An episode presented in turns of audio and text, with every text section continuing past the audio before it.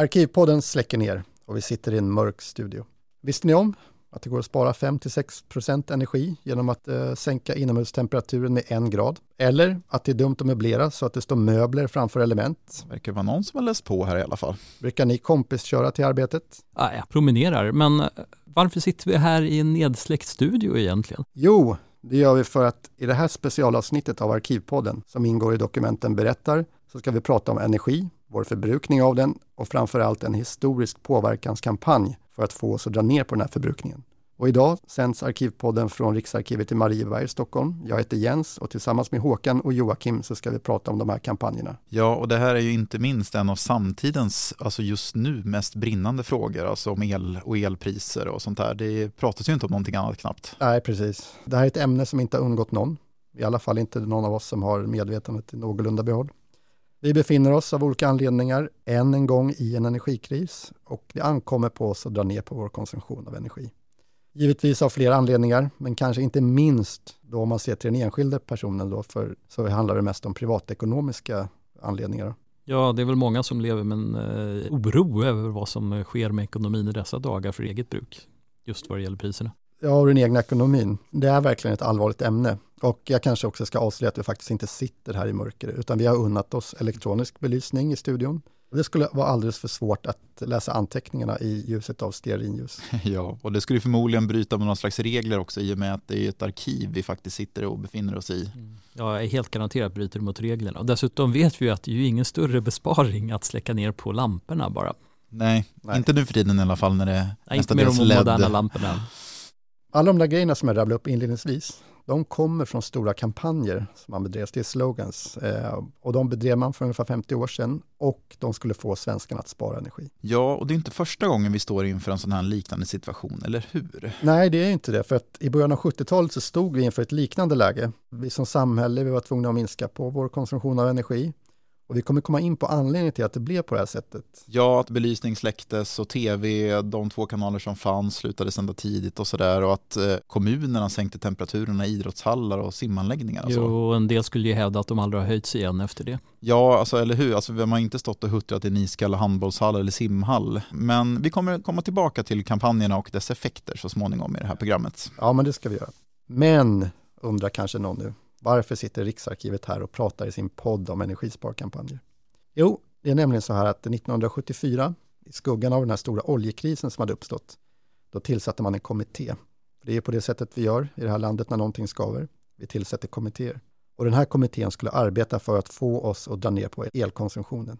Numera bevaras den här kommitténs arkiv hos oss här på Riksarkivet, vilket är väldigt spännande. Och det är ju en sak som är så oerhört spännande med arkiv, man vet nästan aldrig vilket material som kommer bli mer eller mindre superaktuellt igen. Nej, och historien går ju verkligen igen. Det har vi ju sett gång efter annan. Den har ju en tendens att göra det. Ja.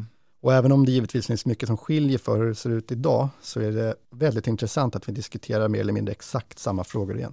Vi kommer att prata om de här kampanjerna och dess konkreta innehåll.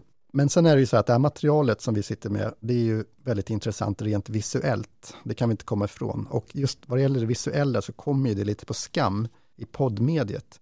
Och med anledning av det så har vi skapat en sida på vår webbplats där ni som lyssnar kan se en del av det här materialet som vi refererar till. Och den ligger under en flik som heter eh, digitala utställningar på Riksarkivets hemsida. Ja, gå gärna in där, den är väldigt kul. Mm. Det är mm. väldigt kul jo, att se det, det här det, i kontrast till det vi säger också. Det gör det rikare på något sätt. Verkligen. Men Jens, du sa något om att det här var i början av 70-talet. Eh, var det korta kampanjer? Nej, jag är född under 70-talets andra halva och vuxna i min närhet, de brukade ofta säga någonting i stil med tomma rum i släckta rum när jag eh, växte upp. Så det här upprepades i varje fall eh, långt in på 80-talet. Ja, och de här kampanjerna undgick ju ingen. Alltså de pågick en bit in på 80-talet, precis som du sa Jens. Och kommittén var också verksam till 82 eller ja, 83 ungefär. Mm. Och kampanjerna bedrevs ju alltså under hela den här tiden, även om de kanske var som mest intensiva precis i början då. Ja, precis. De var väldigt intensivt där i början och allomfattande skulle jag säga. De, ja. alltså, ingen kunde undgå de här skulle jag vilja hävda. Precis. Det var affischer på stan, det var i kollektivtrafiken, eh, dåtida media. Mm. SVT och SR då mm. framförallt. Ja, och mycket ja. i den tryckta pressen såklart. Mm. Ja, i pressen, alltså tidningar. Yes. Som sagt, tv, radio, eh, man delade ut foldrar till hushållen, det arrangerades alla möjliga typer av arrangemang. Pekka Langer ledde ett energispar-event på Skansen.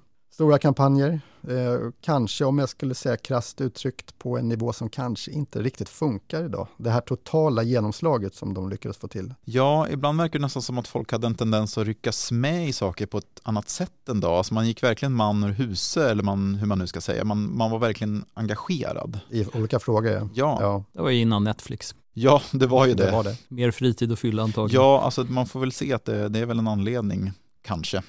Om man får gissa lite. Ja, hur som helst, det var massiva kampanjer och det är nog många svenskar som minns det här.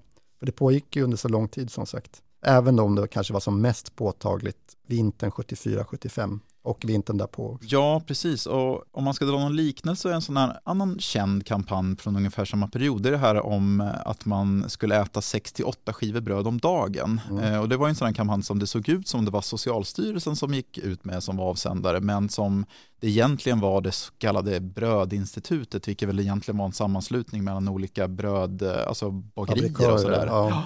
Ja, precis. Det där är en annan 70-talskampanj som många minns. Kanske tydligare. Jag som inte ens var född och minns den ju också på något sätt. Men den pågick under en kortare period medan de här energisparkampanjerna pågick väldigt länge. Som sagt, ända in på 80-talet. Ja, och som jag fattade rätt så fick ju faktiskt Brödinstitutet oss att äta mer bröd. Oklart hur mycket kanske, men, men hur gick det för de här statliga kampanjerna för neddragning av elkonsumtionen då? Det kommer vi återkomma till längre fram, men för att först ta reda på hur Sverige hamnar i det här läget så ska vi göra som vanligt och brukligt. Vi tar storyn från början.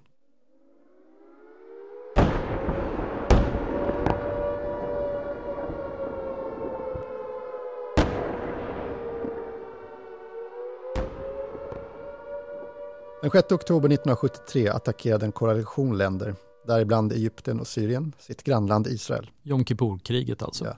Ja, Jom Kippur-kriget eller Oktoberkriget också som det brukar kallas. Ja, så känner jag till det i varje fall. Ja. Ja. Jom Kippur är ju efter den judiska högtiden Jom Kippur. Där Ja, var Jom Kippur Han passade kriget. på då. Mm. För att snabbt gå igenom det här krigets ganska korta skeenden så inleddes stridigheterna med att Egypten och Syrien anföll israeliska styrkor.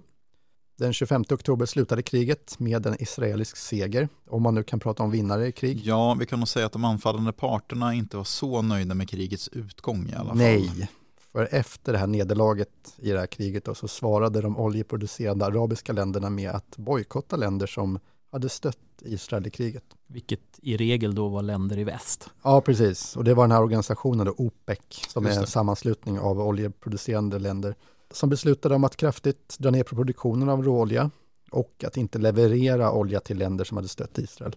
Och dessutom då så passar man på att samtidigt höja priset på råolja från ungefär 3 dollar per fat till över 5 dollar.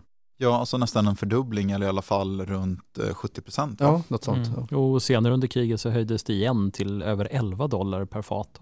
För att använda ett kvällstidningsord, en prischock. Ja, inte minst. ja, alltså kriget orsakade också stora omvälvningar i världsekonomin och man kanske i någon mån kan säga att efterkrigstidens stora ekonomiska framgångsepok ju faktiskt upphörde här i någon Ja. mening. Ja, och Sverige gick ju in i lågkonjunktur och inflation då, vilket ju en, känns som en parallell till idag. Ja, verkligen. Precis, eh, du var inne på det Joakim, men många av västvärldens länder hade ju haft mer eller mindre permanent högkonjunktur sedan andra världskriget. Och det här nya läget som utvecklades då, det blev ju väldigt kännbart för de här industriländerna i väst. Sverige då. Ja, Bland annat. Sverige, men i alla fall länder som saknar egna petroleumtillgångar. Och som ju då samtidigt var extremt oljeberoende. Mm. Men eh, visst, oljekris, men varför hade Sverige elbrist på grund av oljebrist? Jo, för det var så här att på den tiden så kom 75 procent av all energi i Sverige från just oljan. Och därför var det viktigt att dra ner på den här användningen av både elförbrukning men också oljans andra användningsområden. ja alltså till exempel drivmedelsförbrukningen. Mindre bilkörning helt enkelt. Då. Ja, Eller moped möjligtvis. motorer. ja. Vi behövde spara energi och det var nu, direkt, bums. Det var tydligt. Ja, alltså redan vintern 1973-74 hade det förekommit sparinformation i Sverige och i oktober 74 tillkallade man en särskild energisparekommitté med den tydliga uppgiften att genomföra en massiv kampanj den kommande vintern. Det pratades rent av om ransonering av el i värsta fall.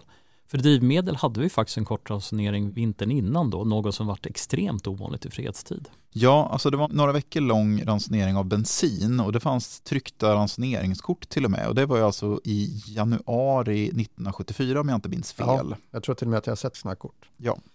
En kort ransonering, men fortfarande en ransonering. Men nu så skulle man alltså arbeta med att främja ökad sparsamhet med energi och det skulle man då göra för att nå en bättre hushållning med resurserna. Och detta skulle man då göra genom eh, att ge praktiska råd och upplysningar till hushåll och näringsliv, och organisationer och allt möjligt. Mm. Snarare då än tvingande ransoneringar. Ja, precis. Ja. I sin programförklaring så framhöll kommittén tydligt de risker som finns med att vara beroende av eh, energitillförsel från andra länder. Där då förvecklingar eller olika kriser utomlands kan och bevisligen gör utlösa problem. Ja, alltså verkligen som i nuvarande situation med andra ord, alltså med Rysslands attack på Ukraina och gasledningar och annat. Igen, ja. det, historien går ju igen verkligen. Precis. Och Sverige litade ju då till 75 procent på olja för sin energiförsörjning så att eh, man fattar ju att det blev ganska jobbigt. För att jämföra så hade oljan stått för 40 procent av energin 1950. Ja, och var kom övrig energi ifrån då? På 70-talet? Ja. Det är ungefärliga siffror, men jag läser de här direkt ur arkivet här. Då. Ja. Det är eh, vattenkraft 15 procent och resten är kärnkraft, kol, koks, ved och avfall.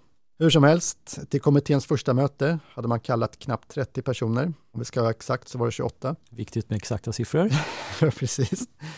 Det var representanter från de stora fackföreningarna. Det var Industridepartementet, Handelsdepartementet, Försvarsdepartementet, Konsumentverket, Planverket, Industriverket och gud vet vad egentligen. Det var tydligt att alla berörda skulle komma till tals här. Ja, alltså även VPK är här i kallelsen och politiker. Och partipolitiker, och, ja. Det var ju energipolitik. Verkligen. Och om man då är inne på politik och det offentliga rent allmänt så det var ju en mer manlig domän då. Så att, eh, hur såg representationen ut vad gäller könen? Vad gäller kön, eh, om vi utgår från namnen så är det två av de 28 kallade som är kvinnor. Om man ser det här ur våra, vår tids ögon så kan det te sig ganska märkligt. Energipolitik påverkar ju alla. Men som du sa, det var en annorlunda tid. Hur som helst, det första mötet hölls den 18 november 1974 och man skred väldigt snabbt i verket. Den här kampanjen skulle ju ut snabbt. Ja, så redan under vintern då, för att det är ju den tiden vi gör av med mest energi, så det var ju verkligen bråttom här. Mm, de skulle ut och för att få ut de här så hade man fått 6 miljoner kronor. Vilket i dagens pengavärde blir? Ja, vi kollade lite och eh, skulle tippa på mellan 40 och 50 miljoner ungefär. Det var ju hela samhället som skulle spara och när vi har gått igenom materialet så är det tydligt att man lyckas rikta kampanjen åt väldigt många olika håll. Anpassad efter målgrupp, var det här en medveten strategi? Ja, det var det. Eh, och det var också någonting man hade konstaterat på de första mötena. Att om de här kampanjerna skulle slå igenom brett i samhället så måste man också rikta dem till de olika målgrupperna. Och det här går att läsa om i mötesanteckningar som finns i arkivet efter kommittén.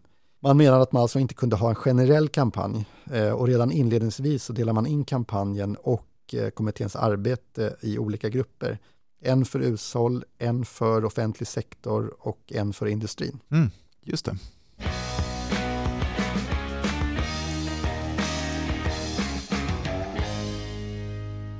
En bombmatta till kampanj rullades ut. Ingen svensk kunde undgå det här. Ja, i alla fall inte någon som i jämna mellanrum lämnade hemmet ska man ju ja, säga. Jag har sett någon siffra någonstans i arkivet där det hävdas att 90% av befolkningen i landet uppgav sig eh, på något sätt ha tagit del av kampanjen. Alltså det låter ganska rimligt med tanke på de här kampanjernas omfattning.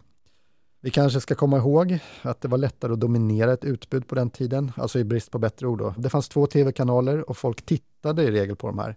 Gick det någonting där så såg de som såg på tv det här inslaget. Ja, alltså det var alltså i alla dåtidens media helt enkelt. Ja, precis. Och sen så var det saker som man skickade hem till hushållen. I samtliga hushåll? Samtliga. Eh, det var på reklamtavlor, så kallade billboards, i kollektivtrafiken, i pressen, ja, dagspress, veckotidningar, fackpress, precis överallt. Man tryckte upp foldrar, det trycktes upp 30 30 miljoner tändsticksaskar med energisparmotivet på det. Folk rökte på ett annat sätt på den tiden. Tidningen Råd och Rön de gjorde ett specialnummer helt om energisparande. Mm. Och det här första utskicket till samtliga hushåll, hur såg det ut? Det var en folder med energispartips och den sändes ut till hushållen vecka 3 och 4 1975. Då ackompanjerat av annonser i press och en trailer på tv som meddelade att nu kommer folden. Kanske lika bra så att utskicket inte hamnar direkt i sopkorgen. Troligen. Man kan i alla fall säga att informationsförmedlingen såg helt klart annorlunda ut vid den här tiden. Ja, alltså radikalt. Ja. Och jag ska påminna er som lyssnar att det på Riksarkivets webbsida finns en sida med material från de här kampanjerna. det kan ju vara kul att faktiskt titta på det vi pratar om. Men ja, informationsförmedlingens möjligheter var ju helt klart annorlunda på den tiden. Ja, och det är ju på ett sätt lättare idag då i stort sett vem som helst kan bereda sig plats i bruset och informera om valfri sak. Men å andra sidan så blir det kanske svårare idag att nå igenom det där bruset. Eh, jag menar, det finns ju så otroligt mycket mer information idag. Men som du sa, det var kanske lättare att faktiskt nå fram, i varje fall om man hade den möjligheten att nå ut till allt mm. och alla. Ja, och framförallt om man hade fått 6 miljoner, alltså i, i dagens penningsvärde 50 miljoner för att informera svensken om energisparande. Stor summa. Verkligen. Ja. Och sen var det väl kanske mer en form av envägskommunikation som vi skulle uppfatta det som idag i varje fall. Det är, idag är ju det annorlunda. Ja, inga, inga kommentarspår idag. Inga Nej, kommentarsfält. Nej. Nej, precis. Ehm, men folk hade ju åsikter såklart. Många skrev brev till kommittén. Ris, ros, olika typer av tips. Man engagerade sig. Och sen gjorde man också olika undersökningar om hur folk hade mottagit de här kampanjerna. Men jag tänkte att vi skulle hålla oss kvar vid själva kampanjen ett tag för att sen komma in på reaktionerna från de här olika målgrupperna. Nyss nämnde jag Råd och Rön. I samma veva som hushållen fick den här folden eh, hemskickad så kom Konsumentverket med ett specialnummer av Råd och Rön. Det är alltså den här eh, konsumenttidningen som ju fortfarande finns kvar? Ja, den finns kvar. Mm. Jag vet inte hur många som prenumererar nu, men på den tiden var det 100 000 prenumeranter. Ja, och Energisparkommittén gav dessutom ut ett par egna återkommande tidningar, alltså med, med regelbunden utgivning alltså, och vid sidan om alla foldrar och allt annat informationsmaterial och sådär. Det här är tidningar, jag vet inte om man ska kalla det för tidningar, men energihushållning och spar energi i mm. kommun och landsting. Är det låter som en kioskvältare. väldigt eh, sexiga titlar på de här. Vissa nummer av dem är bara något uppslag, men eh, om man öppnar dem så innehåller de eh, uppmuntrande läsning om lyckade olika åtgärder i energisparande syfte, lite olika tips och sådär. Men den där första foldern då som skickades ut till alla hushåll, vad innehåller den? Det fick inget svar där. Ja, jag har den här foldern i handen nu och den har den här lilla söta energispargrisen på framsidan. Den och illustrationerna i själva foldern de är framtagna av Staffan Lindén. Om man bara går på namnet så kanske det inte är världens mest kända illustratör, men jag tror nog att många människor faktiskt även idag känner igen Staffans tecknarstil. Jag tror han var väldigt välkänd när det begav sig. Då ja, absolut. Den här foldern, den innehåller konkreta energisparråd vad gäller värme, ventilation, varmvatten, resor och bilen sådär. Till exempel det här med att man om man bara sänker en grad så sparar man 57% energi. Och ska man vädra, gör det snabbt. Man ska duscha och inte bada i badkar. Alltså de här klassikerna. Frosta av, kyl och frys ofta. Ja, på den här tiden var ju inte eh, frysarna själva frostande alls. På samma sätt, nej. nej. Ska man åka någonstans ska man åka kollektivt och måste man ta bilen, åk gemensamt i den. Alltså kompisåka som det uttrycktes då, eller som vi skulle säga idag kanske carpool. Och den där lilla grisen har jag ju sett på små klistermärken som verkar ha skickats ut så folk skulle sätta dem vid strömbrytare hemma eller kanske på jobbet då som en påminnelse att släcka och stänga av. Mm. Ja, jag har sett dem där. Det är som små frimärken som man kanske måste slicka på för att sätta upp. Men eh, det finns fler orörda kartor i arkivet och mig veterligen har ingen slickat på någon av dem. Får vi hoppas. De ser ja. helt orörda ut. Ja, eh, man använder ju även den tidens tv som medium då. Det fanns anslagstavlan och om det finns unga lyssnare som inte tittar på linjär tv så kan jag berätta att anslagstavlan finns, är lite... Finns det kvar? Ja, ja det finns kvar. Finns kvar. Mm. Anslagstavlan är ett kort program som visar samhällsinformation. Mm. SVT alltså. Och sen i Sveriges Radio fanns det ett miniprogram som kallades Konsumentkortisar. Och det här tog flera gånger upp det här med energisparandet. Jo, och vissa av de här filmerna som sändes hade ju anpassats för när de skulle sändas. Då de innehöll till exempel mm. uppmaningar att sänka innetemperaturerna för semesterresa och sändes för längre sammanhängande helger och sportlovet till exempel. Och det syns ju även i det övriga materialet, alltså anpassning till årstider. Och speciellt utformade julkort framtagna av kommittén, till exempel. Eh, ha nu en god jul men se till att spara energi kunde det stå typ och speciella annonser inför jul. Och jag tittar på en nu här där det står att julen ska firas med måtta, i alla fall vad det gäller energi. Eh, och den säger ju inte någonting annat om måtta vad det gäller mat eller sprit eller sådär. Nej, Spola kröken var ju en annan känd kampanj från den här tiden. Ja, men exakt. Och ska man tända en brasa så drar man ner, givetvis ner på övrig värmetillförsel och så. Och använder man ugnen så ska man gärna laga fler rätter samtidigt och sådär. Åker man bort över jul så ska man sänka temperaturen och givetvis åker man tåg eller buss givetvis. Ja. Vi kanske ska nämna de här andra filmerna de gjorde lite grann. Alla var ju inte superkorta inslag för anslagstavlan. Nej, vissa är längre. Och vi har ju tittat på några stycken som ingår i arkivet efter den här kommittén. En är en film på cirka en kvart där Bert-Åke Varg medverkar och spelar en vad åtminstone energi anbelangar slösaktig pappa som blir uppläxad av sin dotter i olika situationer. Alltså Bert-Åke Varg, mångårig skådis som för de allra flesta kanske mest känns som den buttre men godhjärtade fartygsmaskinisten Gustav i SVTs klassiker Rederiet va? Ja, troligen mest känd för det. Mm. Men i den här filmen då, rätt sparat, eh, så är det scener med pappan och dottern i olika situationer som på olika sätt visar när och hur man kan spara energi. Blandat med lite mer faktaspäckade inslag eh, om energikonsumtion. Ja, och, och, filmen har ju en sån tydlig komisk ansats men som också inleds som lite rysare Hitchcock-aktigt mm, där en eh, okänd person kommer in i ett sovrum där någon ligger och sover och det är spänningsmusik och så ser man en kniv som höjs. Vad gör pappa? Vad gör med min spargris? Bara för att tittaren då ska få se Bert-Åke Varg försöka få ut pengar ur en spargris som visar sig vara dotterns spargris. För, för, förlåt, förlåt gumman jag, jag behövde några kronor till, till eh, parkeringsautomaten. Vi skulle inte ta bilen, vi skulle åka kollektivt. Vi skulle ju spara energi. Ja, visst ska vi det, men du förstår, pappa har lite, lite bråttom förstår du. Hej, hej gumman. Över 70 procent av vårt energibehov tillgodoses av olja. Varje år så kommer det 300 fullastade 100 000 tons tankers hit. Nästan en om dagen. Men oljepriset ökar mer än andra kostnader. Oljan har blivit fem gånger dyrare på fem år. Och dessutom så störs oljetillförseln av skäl som vi inte kan påverka. Och tittar vi vidare vad gäller just det komiska anslaget så finns det en annan film som heter Snacka om energi med Lasse Åberg. Eh, jag tror att det är han som har gjort den också. Den handlar om att Lasse Åberg får ett uppdrag av Energisparkommittén att komma med idéer till filmer, men de här blir refuserade och då blir filmen om de refuserade filmerna själva filmen. Och du... Mm. Varm du är. Det beror på den här energisparkostymen som jag har. Som du ser så är den fodrad med metallfolie. Mycket genialt, mycket energisparande. Sen kan man göra en, en skojig grej på det här med, med varm korv. Här var det kall korv. Kall korv. Kall korv. Kall korv. Ja, så kom jag då äntligen på vad jag skulle göra. Men det är så i det här jobbet att eh, rätt som det är så, så sitter det va. Men det här med energi, det är ju inte, det är inte lätt att snacka om. Det, det är svårt faktiskt. Det, det går åt en massa energi för att snacka om energi. Ja, jag är Känns väldigt Lasse Åberg skulle jag säga. Ja, verkligen. Mm. Och Energisparkommittén tog också fram andra program som jag vet att organisationer kunde låna på videokassett eh, för att visa kanske på sitt företag eller hembygdsförening och så. Eh, och ett exempel på en sån är ett program med Lars-Gunnar Björklund som är en sån SVT-profil från förr. Som, Ilandspojkar. Ja, ja, men ja. exakt. Mm. Och i programmet eh, beskrivet som ett håll igång om energisparande så blandas underhållning och fakta i en ansats att sprida information om energisparande då helt enkelt. Själva definitionen av infotainment. Ja, kan man säga. Den tredje och sista filmen som jag vill ta upp, det är en animerad film med den kanske lite träiga titeln Spar energi i hus. På varje radiatorventil finns det som du vet ett handreglage. Om du ställer det på max värme så släpps det in olika mycket vatten beroende på hur förinställningen är gjord. Och det är förinställningen som är nyckeln till inregleringen.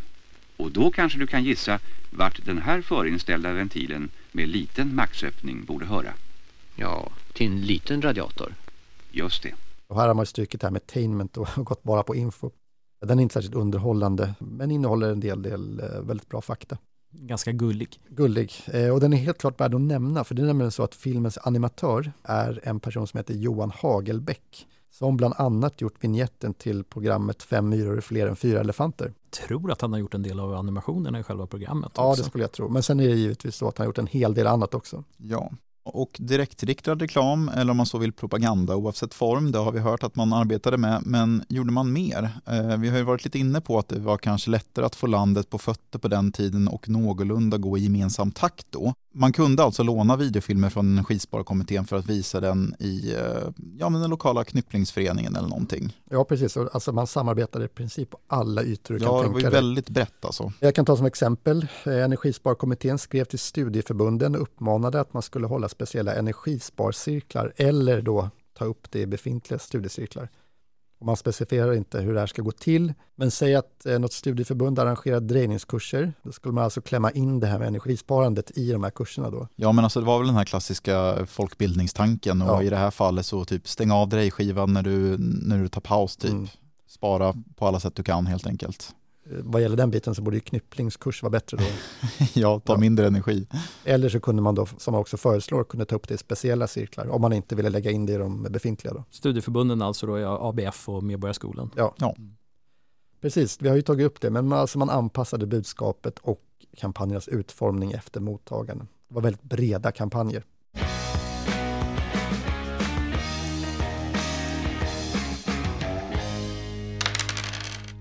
Två, tre, fyra, fem. Eh, Jag kom på ruta 79 och då står det Vad gör att ni för något? eh, vi sitter här och spelar energisparspelet och jag har just hamnat på en ruta som säger att jag slösade med energi i morse eftersom jag diskade och sköljde med rinnande varmvatten och som straff då så får jag gå fyra steg tillbaka. Ja, ser kul ut. Vi var ju hastigt inne på skolorna förut och det här spelet från Energisparkommittén, givetvis riktat mot barn och unga, som då genom att spela det här spelet ska lära sig hur man kan hushålla med energi och lära sig om konsekvenserna av olika beteenden. Vi var ju också inne på bredden i de här kampanjerna, alltså att de skräddarsyddes för olika grupper. Vi nämnde bland annat det här um, specialnumret av Råd och Rön. Det hade skickats till skolor bland annat och antalet ex av den här tidningen som skickades ut till skolorna det var 1,2 miljoner. Oj, ja, det låter ju som en ganska stor bunt tidningar det. Alltså hur många skolelever fanns det i Sverige våren 75 om man ska sätta det i något slags eh, sammanhang då? Ehm, Ja, jag vet tusan, men alltså 1,2 miljoner, det låter väldigt mycket. Alltså. En annan lärare också kanske? Ja, Någon exakt. lärare kanske fick ett ex också. Hur som helst, innehållet i den här tidningen är inriktat mot mellanstadiet, högstadiet och gymnasiet. Det här är ett nummer som innehåller information hur man sparar energi med fokus på ungdomar och barn då. I ett reportage har man besökt Spånga utanför Stockholm, en skola där, och pratat med elever om vad de vet om energi och varför vi måste spara på den. På en fråga om vad man själv kan göra hemma så säger Ulf, 17 år, att han personligen kan dra in på väldigt mycket med att gränsen går vid hans stereoanläggning. Men i samma tidning så framgår det faktiskt längre fram att en skivspelare, förstärkare och högtalare är ganska energisnåla apparater och att det kostar ungefär ett öre att spela en LP-skiva. Ja, alltså Uffe behöver nog inte ha jättedåligt samvete för att han spelar stereo. Det är bara att rocka på tycker jag alltså.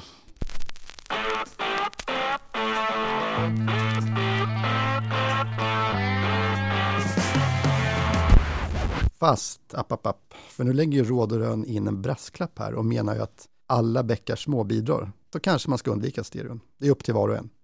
Vidare så kan man läsa om en dag i den slösaktiga herr Olssons liv. Herr Olsson är en oerhört slösaktig herre. Han har en icke avfrostad frys. TVn är ständigt på hemma. Fönstren på vid gavel, trots att elementen är på. Kör givetvis bil till jobbet och så vidare. Det var tydligt att Energisparkommittén ansåg att det var viktigt att rikta sig mot skolan. Utöver det här specialnumret av eh, Råd och Rön så var det massa annat riktat material. Spelet ni just hörde om, posters, foldrar, material för temadagar, tipspromenader med mera, med mera. Mm, det fanns hur mycket som helst. Ja, väldigt bredd verkligen. Ett material som skulle förvandla skolungdomarna till kloner av den här förnumstiga flickan i den här filmen som vi eh, hörde om nyss. Nej då.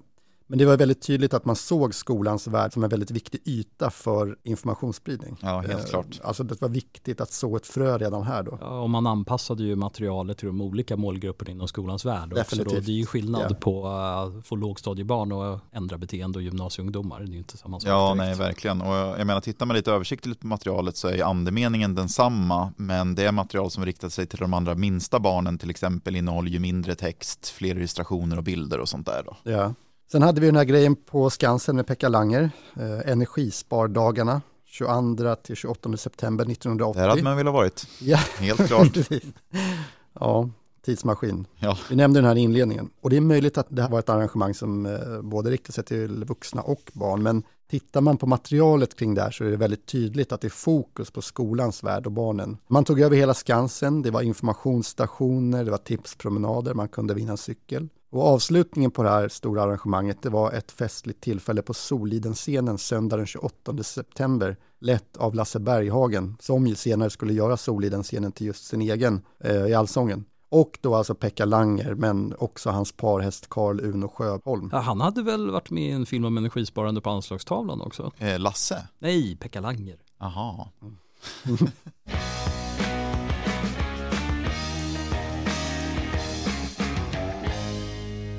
Men hur reagerade allmänheten på de här kampanjerna? Jag tänker liksom både principiellt då men också om folk faktiskt började spara energi. Mm. Det var någonting som man från kommitténs sida var väldigt mån om att ta reda på. Man gjorde faktiskt flera undersökningar för att kolla hur de här kampanjerna hade mottagits. Ja, och det kan ju göra med att man vill att informationen dels når fram men också att man kan ja, men skruva lite på den framöver och sådär. Absolut, och... alltså justera framtida kampanjer. Ja, men exakt. Absolut. En sån här kampanj, eller en sån här undersökning ska jag säga, vintern 74-75, i den uppgav sig 90% av de tillfrågade att de på något sätt hade tagit del av de här kampanjerna. Och som det står uttryckt i ett av kommitténs interna PM så innebär det att man anser sig uppnått i det närmaste mättnadsnivå vad gäller uppmärksamhet. De här sista 10 procenten kanske man anser vara helt onåbara då. Men hade det själva faktiska budskapet om sparande nått fram då? Vi kommer att återkomma till det i avslutningen, men absolut. Eh, för i de här undersökningarna så är det många som säger att de har ökat sitt medvetande och också dragit ner, eller åtminstone försökt på sin energianvändning. Första hand så verkar vara belysningen man drar in på. En mätning en månad senare så har 55 procent sagt att de sparar in på värme och varmvatten. Ja, och i kampanjmaterialet hade man uppgivit att cirka 10-40 procent av en lägenhets oljeförbrukning går åt till produktion av varmvatten. Så uppenbarligen hade ju folk faktiskt lyssnat. Här. Ja, det hade ju gått fram på något sätt. Sänkt temperatur, också en poppis åtgärd. Oklart hur mycket dock. Jens, du nämnde tidigare att folk skrev brev till kommittén också, alltså en form av en reaktion från allmänheten helt enkelt. Och du sa ris och ros, och vad menar du egentligen med det då? Mm, man skrev brev, vilket var ju den tidens sätt att kommunicera, om man då eh, bortser från telefonsamtal. Brev som kom från privatpersoner, och när jag säger ris så är det många personer som skriver in och tycker att kampanjerna kanske visar på en storebrors attityd mot den vanliga människan. Det finns också exempel på när privatpersoner skriver in och eh, ondgör sig på att någon annan person slösar med energi. Ja, det låter nästan som någon slags angiverisystem ja, av något slag. Det här var ju inget som kommittén hade... Man ska hårdra det lite. Precis. Ja. ja. Det här var ju ingenting som kommittén hade bett om eller frågat efter. Men i arkivet så hittade jag till exempel ett brev från en person som har observerat att ett daghem, eller dagis, i den här personens bostadsområde har tänt både på kvällar och helger. Är det någonting som verkligen går för sig? Mm. Ja, äh, vi låter väl både brevskrivaren och dagiset vara anonyma i alla fall. Jag tror att det är bäst. Mm. Men det finns sådana brev.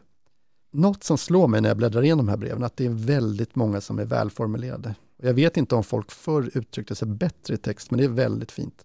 Det finns också en hel del brev, kanske framför allt eh, bland de kritiska, som har en ironisk touch. En person skriver och ber inledningsvis om ursäkt för skrivstilen, som då jag måste inflika är alldeles utmärkt. Jag sitter med släckt lyse och innetemperaturen är så kall så handen skakar. Men, men det är skrivet på perfekt skrivstil. Själva sakfrågan i det här brevet är att personen vill införa sommartid året om för att spara energi. Andra menar att kampanjernas utformning är olämplig och att man då skriver vanliga människor, medborgare på näsan. Medborgare som redan går på knäna av inflation och skatter. De statliga förmyndarverken som ständigt ska göra livet slut för medborgarna. Ta bort allt som är trevligt och gör tillvaron så grå som möjligt. Ni spar inte på er skrivklådenergi i alla fall.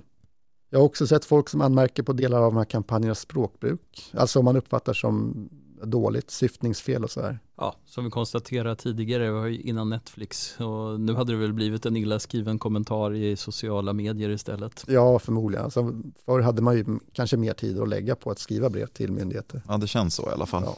Men om vi vänder på det, ros, alltså vad var, de, alltså vad var rosen i det här helt enkelt? Rosen, positiva? ja, alltså man ska ändå säga att majoriteten av de brev man fick från privatpersoner, de är positiva. Ja. Ja. De allra flesta ville bara beställa mer informationsmaterial, nya foldrar och sådär. Eller få ytterligare råd om hur man kan spara energi. Men det är också många som skriver in och har ganska konkreta förslag. På hur själva kampanjerna ska utformas eller eh, energisparande ja, både förslag? och faktiskt. Både vad gäller kampanjernas konkreta utformning och hur man rent konkret kan spara med energi. Ja, så kan du ge oss något konkret exempel på sådana här förslag? Ja, det har jag. Tycker kanske att det är lite roligare att ta något som avviker. För många förslag är kanske lite sådär tråkiga, ungefär där installera treglasfönster. Men så finns det de som är lite intressantare och har lite mer fantasifulla förslag. En äldre dam från Blomstermåla, enligt utsagor från sekelskiftet och av idel vana sparsam. Hon skriver och berättar om att man i energisparande syfte kan laga mat enligt följande metod, som är ganska ungefärligt beskriven.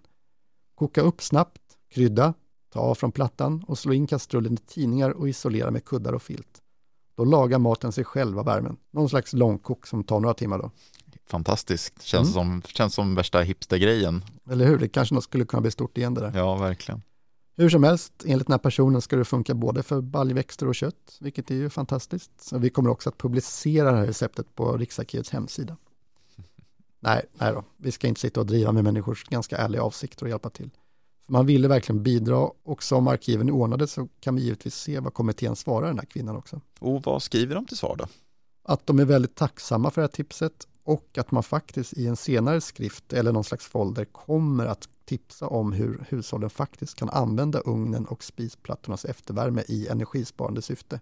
Ja, kanske lite annorlunda än de föreslagit men ändå Men ganska ändå, nära. på något Good sätt enough, Mm, Good enough, säga. helt I klart. samma härad, helt klart. Mm. Ehm, och dessutom så skickar de med en affisch om energisparande som tack för det här tipset, vilket är ju väldigt fint. Verkligen. Jag har kollat igenom arkivvolymerna med pressklipp och hittat ett roligt exempel på när man kan utnyttja eftervärme då, eh, eller i alla fall värmen som någon slags biprodukt. Och eh, Vin och Sprit, eller Vin och Spritcentralen som det riktiga namnet är, de hade sin verksamhet i en del av Stockholm som numera är en eh, framväxande stadsdel vid Liljeholmen. Mm, vid alltså. Årstaviken. Ja, men precis. Och där så skulle man skicka spillvärme från Vin och Sprits destilleringsprocess till ett nytt fjärrvärmeverk som skulle kunna värma upp 7000 bostäder i Årstaområdet. Eh, och den eh, numera kringliggande stadsdelen fanns alltså inte. Då på den tiden. Ehm, Exakt. Apropå det där med måttligheten, Ja. kanske rent av var bra att dricka sprit till jul. Ja, Alla ursäkter är bra ja ursäkter. verkligen. Mm. Åter till breven då, har du några mer exempel? Mm. En person från Stockholm skriver till kommittén och upplyser om att det finns ett transportmedel som är väldigt energisnålt, nämligen cykeln. Såklart. Den här brevskrivaren föreslår att en del av kampanjens medel bör styras om så att den propagerar för cyklande. Propagandan, vilket är hans eget ord, den ska riktas mot privatpersoner och kommuner så att de senare då förbättrar förutsättningar för cyklisterna. Och det känns faktiskt lite grann som han var före sin tid där. Det känns ju väldigt Ja, bekant Det det har, här. ju, återkom, det har ju blivit bättre och bättre också. Ja, helt klart. Ett annat brev är från en privatperson som har ett väldigt konstruktivt förslag på hur kampanjen ska utökas och kanske byta lite fokus. Överallt möter vi i dagarna märket Spar energi, det tjänar du på. Onekligen ett tilltalande motiv för alla som läser det. Men appellerar inte detta slagord till våra mest personliga egoism? Energiförbrukningen borde inkludera ett ansvar gentemot jordens råvaror och den framtida generationen. Och han tycker också att det här lilla märket med grisen ska bytas ut till ett mot en jordglob och att man ändrar texten till Spar energi, jorden tjänar på det. Och dessutom har han faktiskt skickat med ett förslag på hur eh, den här jordgloben skulle kunna se ut. Det är väldigt konstruktivt. Och jag tycker att det här är två brev som kanske är lite för sin tid i någon mån. Mm. Ja, känns ju väldigt modernt och aktuellt även nu då. Ja, verkligen. Eh, innan vi går vidare, har vi något ytterligare kul fynd bland korrespondensen i arkivet? Eh, jo, faktiskt eh, kul och kanske lite snopen, eh, pinsamt bland korrespondensen. Och det är att kampanjen ska uppmärksammas och de ska få ett pris, vilket meddelas av affischeringsföretagens förening. Och man ska få deras utmärkelse 1974 års guldpalett och det här meddelas då i ett brev från den här föreningen. Priset, det ska man dela ut på ett flott hotell i Stockholm. Sen kommer ett till brev daterat tre dagar efter ceremonin där föreningen eh, ursäktar och man beklagar det misstag som begicks i samband med prisutdelningen av 1974 års guldpalett. Man beklagar misstaget som har uppdagats en timme före utdelningen och beklagar de personliga olägenheter man orsakat. Och här är ju lätt att dra slutsatsen att Energisparkommittén inte alls fått det här priset trots att man då via brev har meddelat om att man skulle vinna.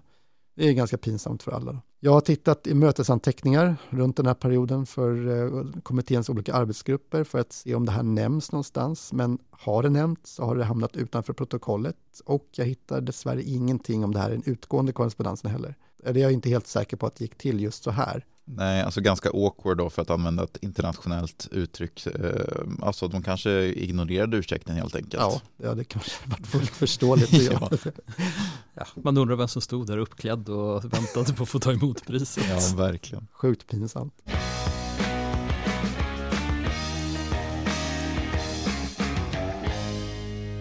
Så hur märktes egentligen kampanjernas effekter i samhället rent allmänt? Vi skämtade ju tidigare om iskalla idrotts och simhallar, vilket ju i sådana fall var en påtaglig påverkan. Ja, det här märktes ju definitivt ute i samhället. Som exempel, statliga myndigheter förbjöds att ha varmare än 20 grader i lokalerna. I en genomgång av kommunernas konkreta åtgärder har jag sett att i Hörby så kom det en regel som sa att det måste vara minst tio stycken fotbollsspelare på planen för att belysningen skulle tändas.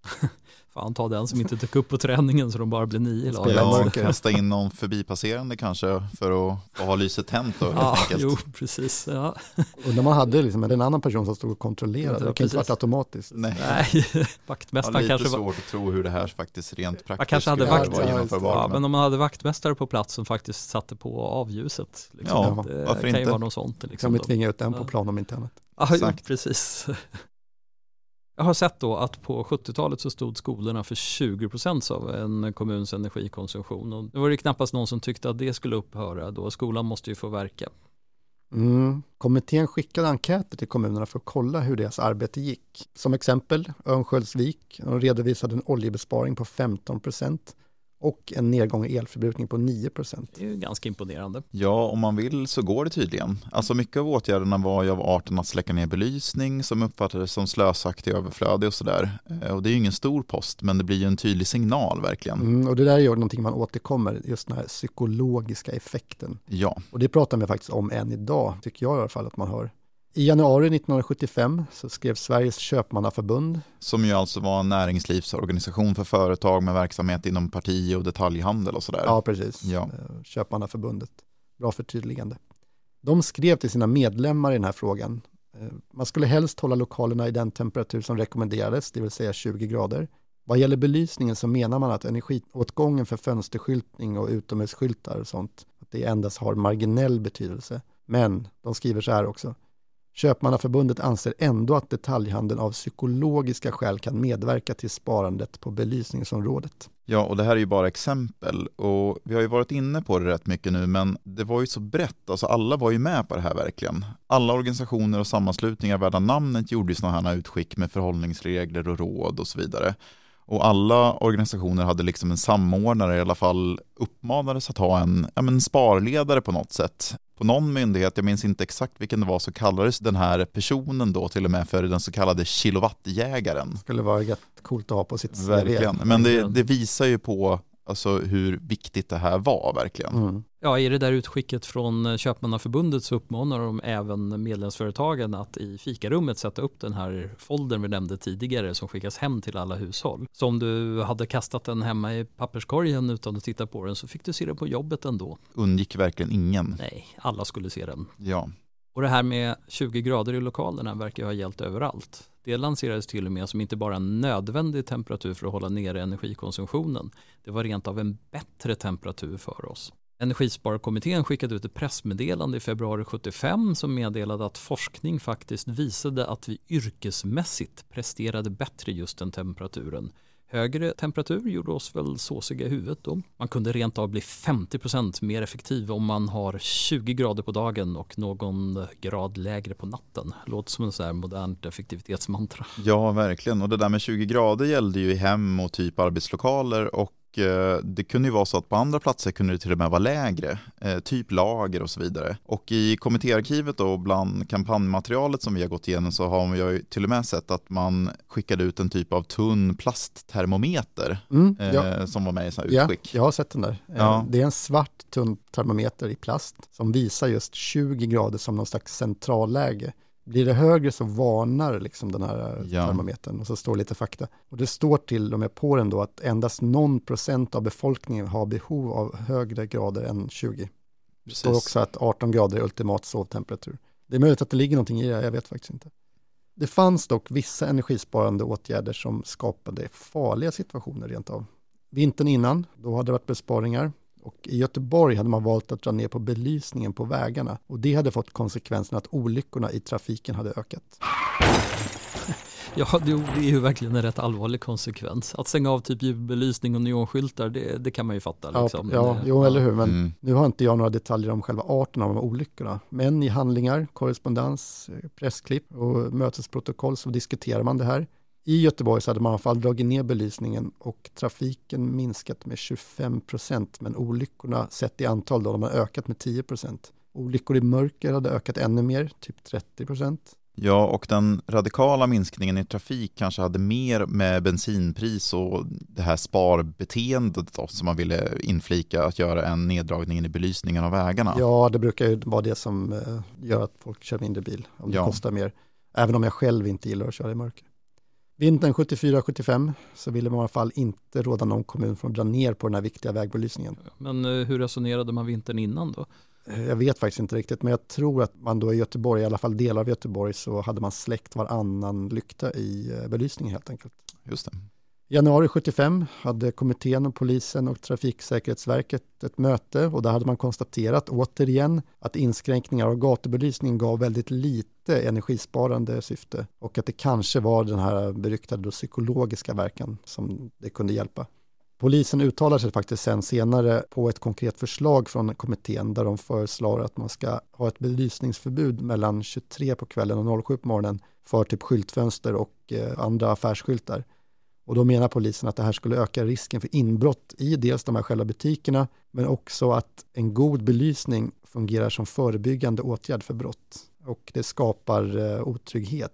Att släcka ner då? Ja, precis. Och eh, risk för brott mot person, förutom mot de här själva butikerna. Då. Och eh, kommittén svarar då efter att man har tagit del av polisens åsikter, väljer att inte gå vidare med det här förbudet. Det här hör man ju i debatten idag också vad det gäller nedsläckning av belysning på allmän plats. Ja, och nu pratar man ju till och med om att man ska dimra snarare än att släcka ner och sådär. Så att eh, man har väl kanske sett på det här, hur det har påverkat. Vi har ju pratat om de konkreta förändringarna i samhället, åtgärder man gjorde då, ingen julbelysning, sänkt temperatur och så vidare. Men eh, i samhället rent allmänt, visst hände det någonting med hur vi såg på energi? Ja, men verkligen. Alltså, energipolitik blev ju under 1970-talet och därefter verkligen ett centralt politikområde och något man pratade om verkligen. Och kampanjerna funkade ju i någon mån såklart. Alltså, det har vi ju hört om här att man minskade energianvändningen med 6% 1974 jämfört med året innan och säkert senare också då. Ja, och på något sätt så väcktes väl också en medvetenhet om att den här oljan inte skulle räcka för evigt. Och det var ju så att olja hade ju fram till den här krisen varit ganska billig också. Ja, och sen så började man ju mer aktivt att eh, söka alternativ till olja som energikälla då, menar, oavsett om det var ytterligare kärnkraft eller ytterligare vattenkraft eller annat. liksom. Ja, man, tänkte började mer. debattera kärnkraft och andra alternativa energikällor politiskt och sådär. Jo, och så kom det ju en energiutveckling som väl bidrog till att minska oljeberoendet lite grann också. Ja. En annan tydlig effekt här i landet, det var att man ändrade i byggnormerna. Kanske mest eh, visuellt spårbart i mindre och färre fönster i byggen efter krisen. Ja. Ja. Tvåglas blev väl standard bland annat, eh, tvåglasfönster. Sen är det möjligt att det här har gått tillbaka idag, eh, men vi har ju också bättre fönster idag. Ja.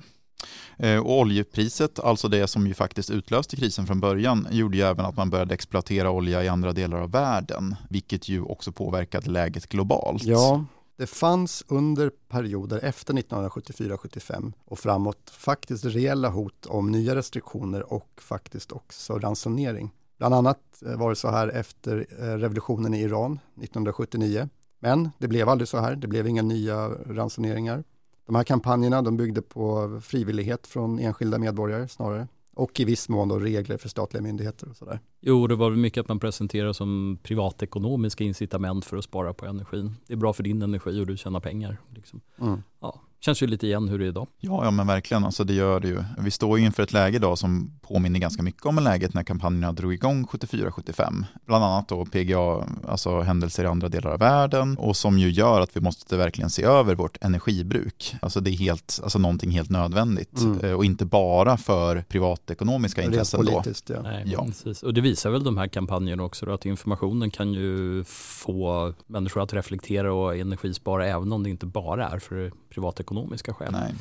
Nej, den här kommittén, Energisparkommittén, de avslutade sitt arbete 1983 och den 8 juni så hade man en avslutningslunch i Rosenbads gästmatsal. De kanske fick den där långkoksgrytan med kuddar som vi nämnde tidigare. Kanske det. Åren 1974 till avslutningen 1983 så spenderades över 100 miljoner kronor på de här informationskampanjerna, räknat i den tidens pengar alltså. Och någonting ledde det ju till. Det har varit extremt intressant att få grotta ner sig i det här materialet. Riksarkivet har ju som alla vet många guldkorn i sina kulvertar, men det är inte varje dag som ett material blir så superaktuellt som det här materialet nu har blivit. Nu står Sverige och givetvis många andra länder inför ett liknande läge och det är bara att hoppas att vi även den här gången kan rida ut stormen och komma ut på andra sidan med kanske ett mer hållbart sätt att se på energi. Dels på hur den framställs men också från vem vi köper den. Vi har ju nämnt att energisparkampanjerna som drogs igång vintern 74-75 verkligen fick oss att eh, dra ner på elförbrukningen och det är ju jättebra. Men kanske är den största vinsten den påverkan det här fick på det allmänna medvetandet i de här frågorna. Med de orden ska vi be om att få tacka för oss. Tack ni som lyssnat. Vi hoppas att det varit underhållande trots att det är ett väldigt allvarligt ämne. Jag vill också passa på att önska god jul och fira den nu med måtta, i alla fall vad gäller energiförbrukning. Vi hoppas på en mild vinter, ett förbättrat internationellt läge och framför allt att människor över hela världen framöver får leva i fred. God, God jul! jul.